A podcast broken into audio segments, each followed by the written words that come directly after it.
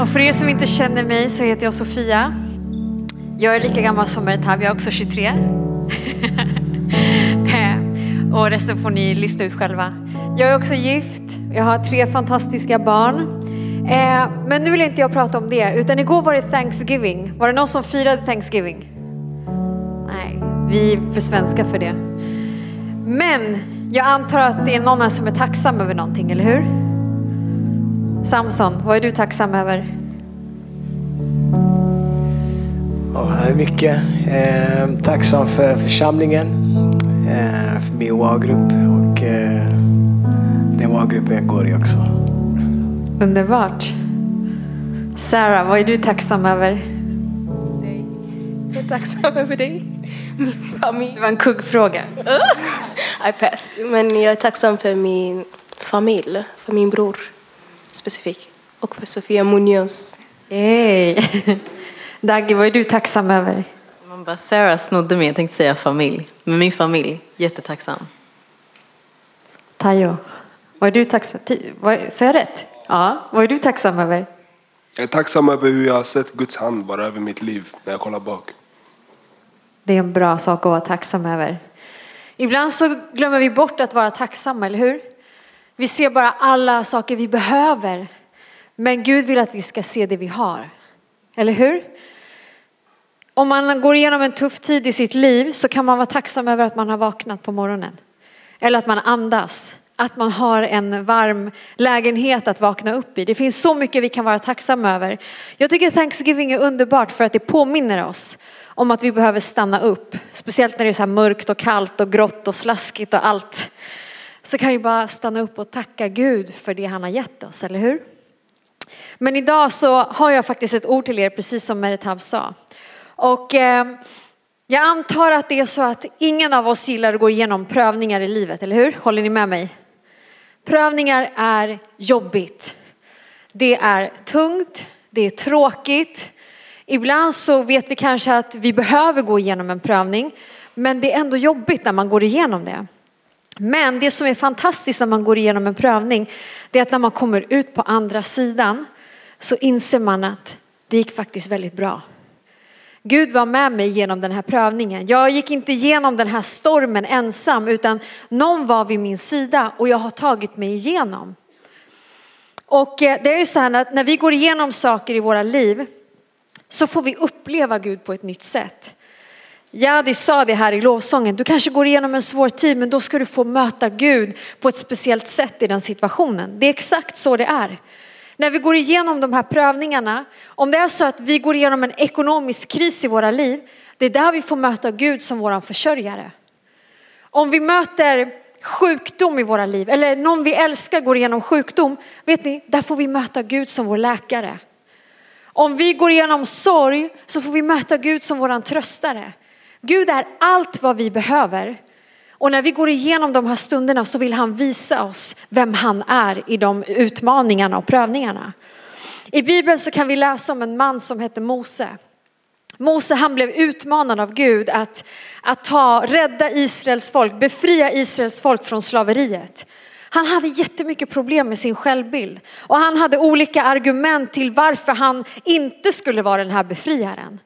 Men Gud bara fortsatte liksom att utmana honom. Och när han står där öga mot öga med Gud så säger han, okej okay, om jag gör det här, om de då skulle fråga mig vem du är, vem som har sänt mig hit, vad ska jag säga då? Och Gud säger till honom, du ska säga att jag är har sänt dig. Varför säger Gud att han kallas för jag är? För att han vill vara aktuell i ditt liv. Han vill vara din läkare idag. Han vill vara din försörjare idag. Han vill vara din befriare idag. Han är just nu. Han är tillgänglig för dig idag. Det var inte bara för Mose han sa det, det var för oss han sa det. Det var för dig han sa det. Han är precis allt det du behöver för den här dagen. Och i det ordet jag vill ge dig idag, om du har vuxit upp i kyrkan eller varit här under lång tid så har du hört det här ordet säkert tusen gånger. Men det tar inte bort hur starkt det är, hur fantastiskt det är och hur mycket vi behöver höra det hela tiden. Och det här ordet som jag vill ge er, det är ett ord av tröst, det är ett ord av uppmuntran, det är ett ord av styrka för vad du går igenom idag. Det är ett ord som är för dig i den situationen du befinner dig i. Hur många här behöver lite uppmuntran en sån här grå novemberkväll? Eller hur? Vi behöver det. Vi behöver lite uppmuntran från Gud.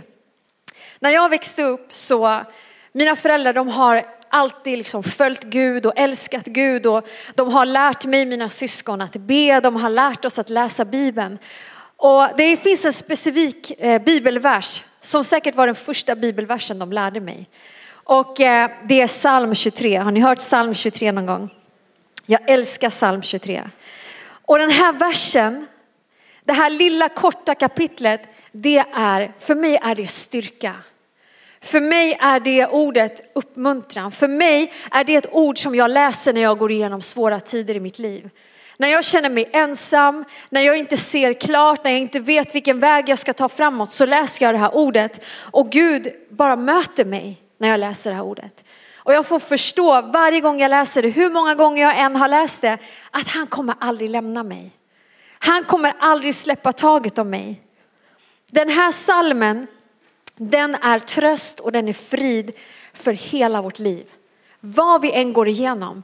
Om det så gäller problem i våra familjer eller i våran själ eller i våra tankar, vad vi än går igenom så är den här, den här salmen styrka för våra liv. Och jag ska läsa den för er.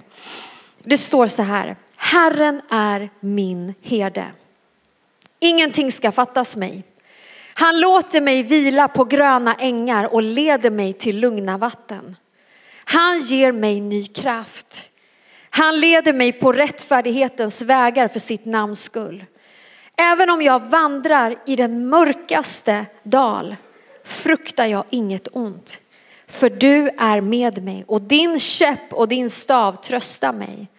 Du dukar ett bord för mig framför ögonen på mina fiender. Du smörjer mitt huvud med olja och min bägare flödar över. Din godhet och nåd följer mig hela mitt liv och jag ska få bo i Herrens hus för alltid. Amen. Vet du att Jesus är den ultimata herden? Han är den ultimata herden. Han är den som kan leda oss på rätta vägar. Han är den som finner oss när vi går vilse, som leder oss till levande vatten. Han som tar oss tillbaka till syftet med våra liv när vi inte vet vart vi ska ta vägen. När vi är på väg att ge upp och bara tappa allt och, och avsluta våra liv så är han den som finner oss. Och David som skrev den här, det här kapitlet, de här verserna, han var själv en herde. Han växte upp som en herde, han tog hand om sin pappas får. Och när man läser om hans liv så kan man se att han skyddade de här fåren med sitt liv. Han jagade bort lejon och björn. Han, han satt och han sjöng salmer och han sjöng sina sånger för de här fåren. Han tog hand om dem som sina barn. Han älskade de här fåren. Han såg det som sin livsuppgift att ta hand om dem. Så den omsorgen han, han kände för sina får, samma omsorg hade han fått uppleva från Gud mot sitt eget liv. Och varför han kunde skriva den här salmen, det var för att han han hade fått ett övernaturligt möte med Gud. Han kunde på riktigt säga, Herren är min herde. Han är min herde. Mig ska inget fattas för han tar hand om mig. Han kunde verkligen säga de här orden. För han hade känt den här omsorgen från Gud. Han visste att den omsorgen en herde känner om sina får, den, alltså, den går över allt. En herde ger sitt liv för sina får. En herde beskyddar sina får med, med allt han är och har. Han visar den rätta vägen. Han tar hand om deras sår. Han bär dem genom svåra passager. Precis som det står i den här salmen. Och i det här kapitlet så beskriver David och han, han målar upp för oss så enkelt Guds karaktär som en herde. Vi säger att Gud är vår pappa, Gud är vår läkare, han är vår, vår tröstare, vår hjälpare. Men han är också vår herde. Och han målar upp hur Gud är så omsorgsfull. Han hade fått den här övernaturliga upplevelsen av Gud. För han kände Gud så, så nära. Han visste precis hur Gud, hur Gud agerade mot honom när han gick igenom svåra tider. Han hade upplevt Gud. Han hade ibland suttit på sina knän och gråtit och Gud hade mött honom. Han visste att den här omsorgen jag har känt från Gud, den är äkta. Det är samma kärlek jag har haft för mina får. Hans relation till Gud, den var intim. Han kände igen hans röst. Han följde varje steg. I varje beslut som David skulle fatta så rådgjorde han med Gud. Han frågade Gud, vilken väg ska jag ta? Gud, vad är rätt? Utransaka mitt hjärta. Gud, säg till mig om jag går på fel väg. Snälla Gud. Det var den relationen han hade med sin pappa i himlen. Han var precis som ett får som känner sin herde. Och om det är så att du kanske aldrig har fått uppleva Gud som din herde. Du kanske har hört att Herren är min herde. Vet du, idag vill Gud uppenbara någonting för ditt hjärta. Att han är din herde. Det är inte bara David som kan säga Herren är min herde. Du kan säga Herren är min herde. Han går med mig. Han lämnar inte mig. Han har aldrig lämnat mig. Han leder mig igenom.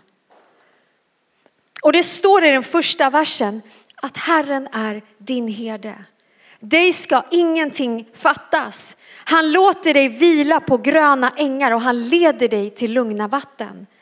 Så vad vill psalm 23 säga till dig idag? Jo, att han ger dig allt vad du behöver. Många gånger så letar vi i vad den här världen kan erbjuda. Jag behöver det här. Nej, men nu behöver jag kärlek. Nu behöver jag prylar. Nu behöver jag liksom få känna mig lite bekräftad här. Vi försöker få allt det här för att, för att få våran själ att må bra. Men om vi förstår att han har allt vad jag behöver. Han ger mig allt vad jag behöver så behöver inte vi leta någon annanstans. När jag tänker på, på Jesus som min herde så tänker jag först och främst på att han ser till mina personliga behov. Han ser till mitt hjärta. Han ser till min själ, han ser till allting runt omkring mig, även min, de fysiska behoven jag har. Han ser till dem. Och när jag tappar fokus i, i de omständigheterna jag befinner mig i så är han den som leder mig på rätta vägar. Han är den som bara ändrar riktning så att jag kommer rätt. Och jag har verkligen fått uppleva det här personligen i mitt liv. Hans obeskrivliga, oövervinneliga kärlek, vet ni, den, den är mer än vad vi kan förstå. Omsorgen som han har om ditt liv, den går nästan inte att beskriva. När du vänder din rygg mot honom eller när du vill gå din egen väg eller när du går igenom svårigheter i ditt liv, Jesus gråter med dig. Han ser dina bördor, han ser vad du kämpar med. Ingenting är liksom dolt för hans ögon. Han vet var de gröna ängarna finns. Han vet vart du finner, finner vila någonstans. Ibland så tror vi att våran sanna vila, ja men den är semestern. Utlandsresan. Men vet ni, vi kan få vila mitt i våra omständigheter. Vi kan få vila mitt i livet när allting faller runt omkring oss för att han tar oss till de gröna ängarna. Han för oss till vatten där vi finner ro. Ibland så vet inte vi, precis som Jadi sa här, vi vet inte vart vägen leder. Vi ser inte klart och tydligt framför oss. Vi, vi vet inte vilka faror som kommer längre fram. Men vår trygghet ligger i att han leder oss. Du behöver inte alltid veta vad finns där framme. Du behöver inte alltid veta vad som finns på andra sidan ditt beslut. Det enda du behöver veta, jag har fattat rätt beslut. Han är min herde. Han kommer leda mig. Jesus är ingen forcerande ledare som pressar dig eller lägger bördor på dig eller tvingar dig att göra en massa saker. Han säger bara följ mig. Lyssna på min röst. När jag säger vi går dit, följ med mig. Jag vet vart du kommer må bäst. Jag vet vart dina behov kommer bli fyllda. Han vet när det finns tid att stanna. Han vet när man ibland behöver öka farten för att hinna ifrån de här farorna som kommer efter. Han vet allt. Och det enda jag behöver göra är att följa hans röst. Det står i första Petrus 2.25 att han är vår själs herde och vårdare. Han är inte bara en herde som ser till våra fysiska behov, han ser till våran själ. Han, han bryr sig om hur du känner. Han bryr sig om vad du tänker. Han bryr sig om hur du mår på alla områden av ditt liv. När vi vill springa bort från honom, när, när vi vill liksom gå vår egen väg, vet ni, då tar vi bort möjligheten från honom att ta hand om oss. För att vi säger så här, Gud jag behöver inte dig. Jag behöver, du behöver inte leda mig, jag, jag hittar själv. Ni vet som små olydiga barn. Nej, nej, nej, jag klarar mig själv. Så är vi precis med Gud. Men han vet ju, som förälder så vet man, nej, nej, nej, gå inte dit, gör inte det där, du kommer ramla. Precis så är Gud med oss. Han försöker förvarna oss, han försöker leda oss för han vet vad som är bäst. Han är den som kan ge din själ styrka. Han är den som kommer med levande vatten från den här källan som aldrig tar slut. Det finns många källor där ute som de vill att du ska dricka ifrån. Men det är källor som tar slut. Relationer, det är härligt. Vi behöver relationer i våra liv, men relationer kommer aldrig tillfredsställa den här törsten som finns inom oss. Det är en törst som bara Guds närvaro kan släcka. Som bara kärleken från Gud kan släcka. Vad säger vers 4? Även om du vandrar i den mörkaste dal så fruktar du inget ont. För han är med dig och hans käpp och stav tröstar dig. Vad säger den här verserna till dig? Att han tar dig genom den mörka dalen. I många översättningar så står det att han, även om du vandrar i dödsskuggans dal. Det låter inte särskilt skönt, eller hur? Dödsskuggans dal, den mörka dalen, ingen vill passera där igenom. Men vi har alla gått igenom den någon gång. Om du har gått igenom en kris i ditt liv så vet du hur det känns att gå igenom dödsskuggans dal. Det är en tom, fruktansvärd ensam plats. En mörk öken där allt känns bara dött. Och när man går igenom det så känns det som att jag kommer aldrig komma igenom till andra sidan. Jag kommer aldrig se ljuset igen. Jag kommer dö i den här dalen. Så känns det när man är där. Men ordet säger här att vi behöver inte vara rädda. Vi behöver inte oroa oss när vi går igenom den här mörka dalen för att hans käpp och stav kommer att trösta oss. Herden har en käpp. Käppen använde han för att mota bort vilddjur, rovdjur som ville ta fåren. Men sen hade han också sin stav att stödja sig mot. Och den här staven, ni ser den har som en krokform. Det var för att när fåren försökte smita eller gå sin egen väg så drog han tillbaka dem. Exakt så här behöver Gud göra med oss ibland. Det är lite jobbigt. Det gör ont. Men vet ni, han vet att du klarar dig inte genom den här mörka dalen ensam. Han säger kom här, kom hit, gå med mig. Jag vet hur du ska ta dig ut. Kom, följ mig. Jag går stadigt igenom den här dalen. Gå i mina fotspår. För tio år sedan så dog min syster. Och då fick jag verkligen uppleva vad det var att gå igenom dödsskuggans dal. Jag hade aldrig någonsin upplevt någonting liknande tidigare. Jag tänkte så här, min familj har aldrig gått igenom någonting svårt. Tack Jesus, det är så fantastiskt. Vi är så lyckligt lottade, vi har aldrig gått igenom smärta. Visst, vi hade sjukdom i vår familj och vi hade olika saker som försökte stjäla vår glädje, vår kraft. Men det var absolut inte på det sättet att man tänkte så här, det här är slutet. Men när man kommer till dödsskuggans dal så tror man att man ska dö. Dödsskuggans dal för mig, det var en dal av becksvart mörker. Det var en dal av total chock, smärta, sorg. Eh, alltså det, det var livlöst. Det var så svart, det var så mörkt. Men mitt i allt det här, mitt i all sorg, mitt i all smärta så fick jag uppleva hur Gud var där med mig. Jag fick uppleva hur Gud gick genom den här dalen med mig. Och när människors ord inte kunde trösta mig, när alla mina miljarder frågor ville ha ett svar, så fick jag bara ta tag i den här staven och bara hålla fast vid Jesus. Jesus, du får, du får trösta mig. Jag vet inte vad jag ska säga, Gud, jag har inga ord, jag, jag orkar inte be. Jag vet inte ens, jag har, allt inom mig skrek i total panik, men det kom inte ut ett enda ord. Så kändes det. Och det var flera, flera, flera månader av mörker. Jag tänkte så här, livet är så fruktansvärt orättvist. Och sen medan jag och min familj gick igenom den här mörka dalen så låg alla andra på gröna ängar och drack levande vatten. Så kändes det. Ingen förstår att vi går igenom döden just nu. Men vet ni, Jesus var där. Jesus var där. Jag fick ta ett beslut att lita på honom. Jag fick ta ett beslut att lita på att han skulle leda mig och min familj rakt igenom den här stormen, rakt igenom all den här smärtan. Han kunde fylla ett tomrum i mitt liv som ingen annan kunde fylla. Han kunde ge mig en kärlek och en glädje som bara omslöt mitt liv. Jag fick vila i hans famn.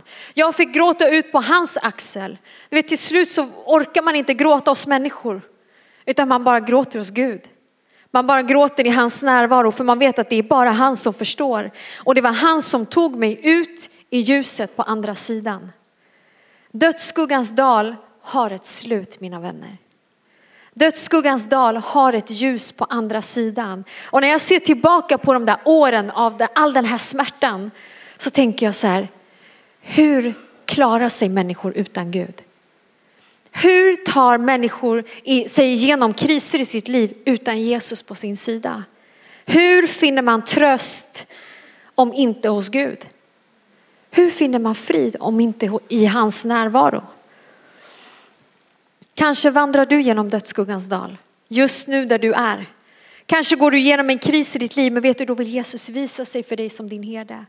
Han vill ta dig i handen, han vill leda dig igenom. Hans käpp och hans stav kommer att trösta dig för de kommer att leda dig ut. De kommer att hålla dig på vägen, de kommer att ta dig igenom för Jesus, han är trofastheten själv. Du kanske har fått uppleva hur människor lämnar dig när du behöver dem som mest. Men vet du, Jesus kommer inte lämna dig. Jesus kommer inte svika dig. Han kommer inte att släppa taget.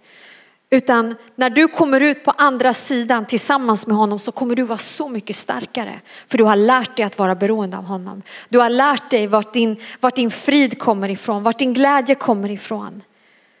Och jag är så tacksam att det inte står här i psalm 23 att även om du måste bo i dödsskuggans dal. Utan det står även om du vandrar genom den mörkaste dalen. Det är en passage. Den mörka dalen är en säsong. Det, är en, det har en begränsad tid, den har ett slut. Och det är ju en trygghet, eller hur? Att det finns ett slut på det jag går igenom. Han kommer att ta dig igenom. Vers nummer fem säger att han dukar ett bord för dig framför ögonen på dina fiender. Han smörjer ditt huvud med olja och din bägare flödar över. Vad säger det här oss? Jo, att han välsignar dig. Han inte bara tar dig genom den här mörka dalen, han välsignar dig. Om du litar på Gud i allt, om du låter honom vara din herde, den som leder dig, din vägvisare, så kan ingenting hindra hans välsignelser över ditt liv. Det kommer som, som en favör över ditt liv för att du följer honom. Han ser inte bara till att du har vad du behöver, utan han dukar ett bord framför dina fiender. Han dukar en buffé framför de som har hånat dig. Och nu vet ju vi, alla vi som tror på Gud, vi vet att den kampen vi har att utkämpa är inte mot människor, eller hur? Utan det finns saker och ting i den andliga världen som vill plåga våra liv. Vi har fiender av tankar, av känslor, negativa saker som vill komma emot oss. Så det här bordet av välsignelse som Gud dukar upp för ditt liv, där får alla de här destruktiva tankarna se på. Hur han välsignar ditt liv. Allt det som har plågat dig, ångest, självmordstankar, alla de här fienderna i ditt liv får se på när Gud bara ger dig välsignelse. När du får den här buffén av godhet över ditt liv. Dina fiender är inte först och främst människor som har plågat dig, utan det är alla de här sakerna runt omkring dig som kommer från våran fiende. Allt det här som har velat räkna ut dig och säga du kommer aldrig klara dig. Du kommer aldrig bli någonting. Hur ska Gud kunna använda dig? Alla de här tankarna får se på när Gud bara välsignar ditt liv och din familj. Vi tror kanske att välsignelsen finns på andra sidan dödsskuggans dal. Men vet du, Gud vill välsigna dig mitt i dina omständigheter. Gud vill välsigna dig när du går igenom svårigheter i din familj. Han vill välsigna dig när du går igenom en kris i din ekonomi. För han är god. Han är en Gud som välsignar dig. I psalm 78 och vers 19 så kan vi läsa om, om hur Israels folk agerade mot Gud. Gud var en Gud som välsignade dem om och om igen men de glömde bort det. Det enda de gjorde var att de klagade över allt som de inte hade. Och de säger så här, de talade mot Gud och sa, kan Gud verkligen duka ett bord i öken? Visst, han slog klippan så att vattnet flödade och bäckar strömmade fram. Men kan han också ge bröd eller skaffa kött åt sitt folk? Vet ni, Gud är en trofast Gud.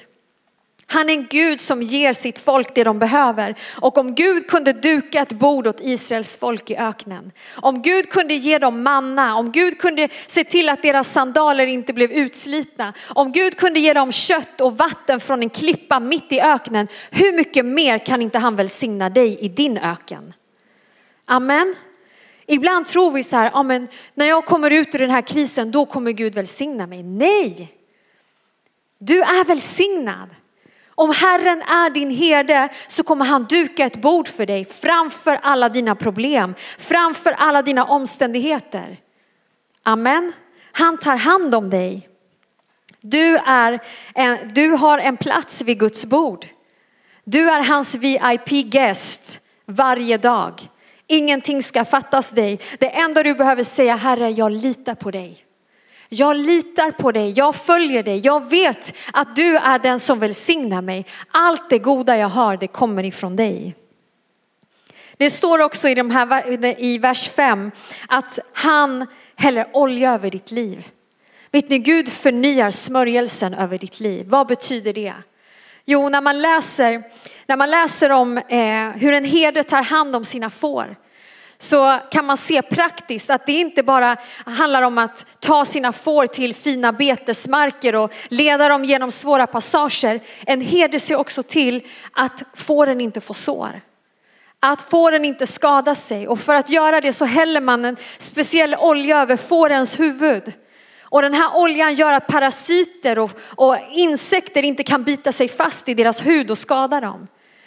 Vet ni, oljan över våra liv det är Guds närvaro. Det finns många saker, parasiter från den här världen som vill komma in och förstöra dina tankar. Som vill ta din kraft ifrån dig. Men när du har hans närvaro i ditt liv så är du beskyddad. Amen. Gud förnyar smörjelsen över ditt liv. Han ger dig en ny dos av hans närvaro, en ny dos av den helige ande för att du ska kunna stå emot allt det som vill komma emot ditt liv. Han vill att du ska resa dig. Han vill att, att ditt, ditt sinne ska vara beskyddat. Han vill att ditt fokus ska vara klart.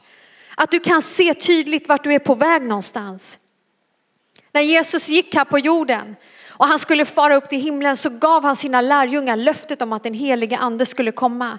Den helige ande skulle vara deras beskyddare, deras hjälpare. Den som skulle liksom stå vid deras sida när Jesus inte längre kunde vara kvar. Helige ande finns över ditt liv. Den heliga ande bor i dig. Och den heliga ande han påminner oss om Jesus. Han påminner oss om allt som Jesus har gjort för oss. Och han hjälper oss när vi möter tuffa omständigheter som vi inte alltid kan påverka. Ibland blir vi angripna av saker. Ibland behöver vi gå igenom tuffa strider i vårt sinne. Men när vi tillåter den heliga ande att ha platsen i våra liv så kommer våra sinnen att vara beskyddade. Guds närvaro i ditt liv det är nyckeln till att du ska leva ett starkt liv. Det är nyckeln till att du ska leva beskyddad i den här tiden. Att gå utan hans närvaro i ditt liv är som att gå ut i strid utan, utan vapen, utan en rustning. Vi kan inte göra det. Vi måste vara beskyddade. Och om det är så att du har varit borta från Gud en tid, du kanske har lagt Gud på hyllan. Du kanske inte har prioriterat honom i ditt liv. Det är dags att komma tillbaka. Det är dags att vara det här fåret som får komma tillbaka, som han får kroka tag i och rycka tillbaka. Kom tillbaka till mig. Jag vill leda dig. Jag vill inte att du ska gå genom det här livet ensam. Du behöver mig, säger Gud. Jag vill hälla olja över ditt liv. Jag vill göra allting nytt. Du behöver inte känna dig dålig för att du har varit borta. Kom tillbaka. Den sista versen som vi, som vi får ta med oss från psalm 23 är, är vers nummer 6. Din godhet och nåd följer mig hela mitt liv och jag ska få bo i Herrens hus för alltid. I vissa engelska översättningar så står det att hans godhet och nåd ska jaga oss. Tänk att bli jagad av godhet och nåd. Vilken välsignelse. Hans godhet och nåd ska följa efter dig. Följa ditt liv vart du än går.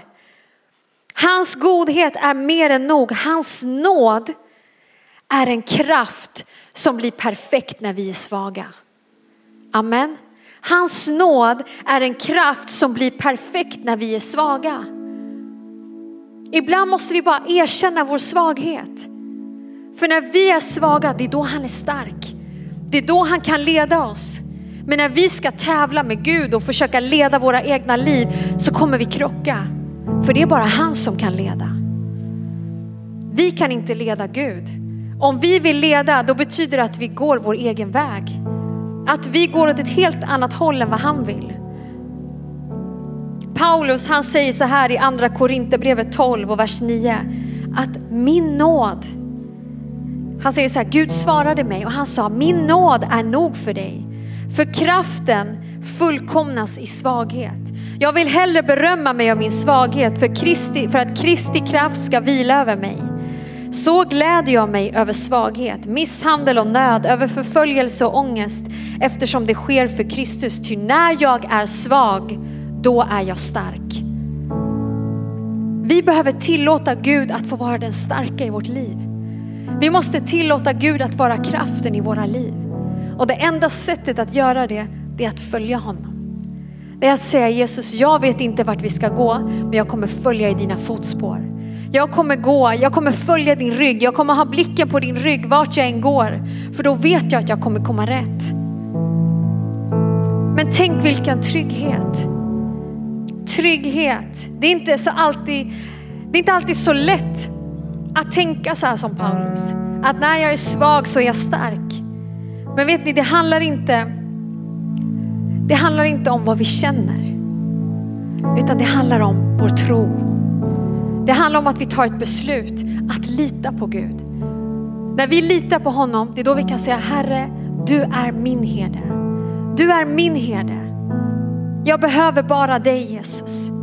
Han ger oss en frid som den här världen inte kan ge. För vet du, dina omständigheter behöver inte vara perfekta för att du ska känna frid. Han är friden i stormen. Du behöver bara fästa din blick på honom. Du behöver bara sätta blicken på hans rygg. Han lovar att ingenting ska fattas dig. Han lovar att du ska få vila. Men han säger också, du tillhör min familj. Du tillhör min familj säger han. Vi kommer inte bara vara efterföljda av godhet och nåd. Vi kommer också få bo i hans hus för evigt. Vi tillhör hans hus. Du kanske aldrig har känt tillhörighet till någonting, inte ens till din egen familj. Men han säger, om jag får vara din herde så kommer du få bo i mitt hus. Du kommer tillhöra mitt hus. Vi har ett himmelskt hus som väntar på oss. Men fram till den dagen så vet vi att våran herde kommer leda oss. Våran herde kommer bära oss. Våran herde kommer ta oss in i sin familj tills vi en dag får återförenas med honom i himlen. När Jesus vandrade här på jorden så sa han, jag är den gode herden. Jag känner mina får och mina får känner mig. Det var exakt så David kände. Han kände sin herde. Han kände igen hans röst. Han kände igen hans omsorg. Jesus känner ditt liv. Jesus vet vad du går igenom. Jesus vet vad du bär på. Han känner dig. Du kanske har anat hans röst. Du kanske har anat vad han vill för ditt liv, men han känner dig. Han vill inbjuda dig idag till att låta honom leda dig till andra sidan. Han inbjuder dig att ta tag i honom, att följa hans fotspår. Han vill trösta dig, han vill leda dig. Han älskar dig. Och han inte bara leder dig genom tuffa passager, han lyfter upp dig på sina axlar, precis som en herde lyfter upp sina får. Han bär dem igenom. För det är en trygg plats att vara på herdens axlar. Om du har försökt i egen kraft, om du har varit det här olydiga fåret som har sprungit åt ett helt annat håll. Det är dags att kapitulera och säga Jesus, jag vill följa dig. Jag vill gå med dig.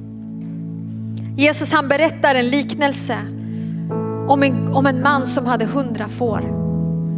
Och han säger att ett av de här fåren springer bort. Och den här mannen blir bestört. Men han älskar det här fåret så mycket att han lämnar de här 99 andra fåren som är i tryggt förvar i den här hagen. Och han går och letar efter det här hundrade fåret. Han letar och letar och letar tills han finner det. Och det är så att han lyfter upp det här fåret på sina axlar och bär fåret hem. Och när han kommer hem, han är så glad. Han går och hämtar sina grannar, sina vänner, sina släktingar. Han säger, hörni, jag vill ha fest hemma hos mig. Mitt får är funnet. Det här fåret som jag hade förlorat, jag har hittat honom. Och jag vill att ni alla ska glädjas tillsammans med mig. Exakt så här är det när någon av oss försvinner. När någon av oss springer iväg och vill leva vårt liv på egen hand. Det kanske känns bra till en början men till slut så är man i den där mörka dalen och man vet inte hur man ska ta sig ut. Men vet ni, Jesus han lämnar alla för att hämta dig. Han lämnar allt för att ta dig tillbaka. Och med en enda person som kommer tillbaka så gör han fest. Det handlar inte om mängderna. Det handlar om att han har funnit det som har varit förlorat. Ibland kan vi känna oss förlorade. Vem är jag? Varför ska Gud hämta mig? Varför ska Gud vilja lyfta upp mig, allt som jag har gjort? Kanske speciellt om du har varit i kyrkan tidigare och lämnat och sen kommit tillbaka. Vad ska alla säga? Vad ska alla säga? Att jag har varit den där som har varit ute och levt mitt eget liv. Vet ni, det är ingen som tänker så. Det är fest för en person. En person är viktig. En person, en person som får komma till himmelriket. En persons liv är värt allt. Så mycket älskar Jesus dig. Han vill vara din herde. Han vill inte bara att du ska säga Herren är min herde. Han vill säga jag är din herde. Jag är din herde. Jag kommer aldrig lämna dig. Jag kommer aldrig överge dig. Om jag så måste kliva ut, ut vid stupet för att hämta dig så kommer jag göra det. Så mycket älskar han dig.